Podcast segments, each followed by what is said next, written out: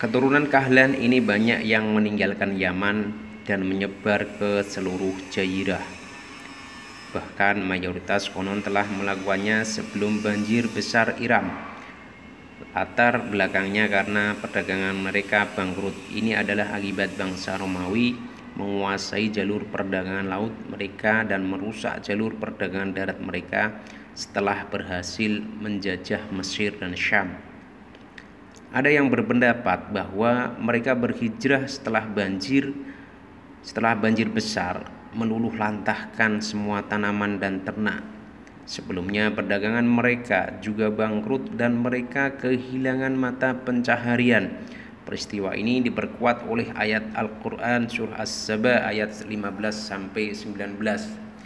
Tidak tertutup kemungkinan selain faktor-faktor di atas juga terjadi persaingan antara suku-suku Hahlan dan suku-suku Himbiar yang berakhir dengan eksodusnya suku Kahlan.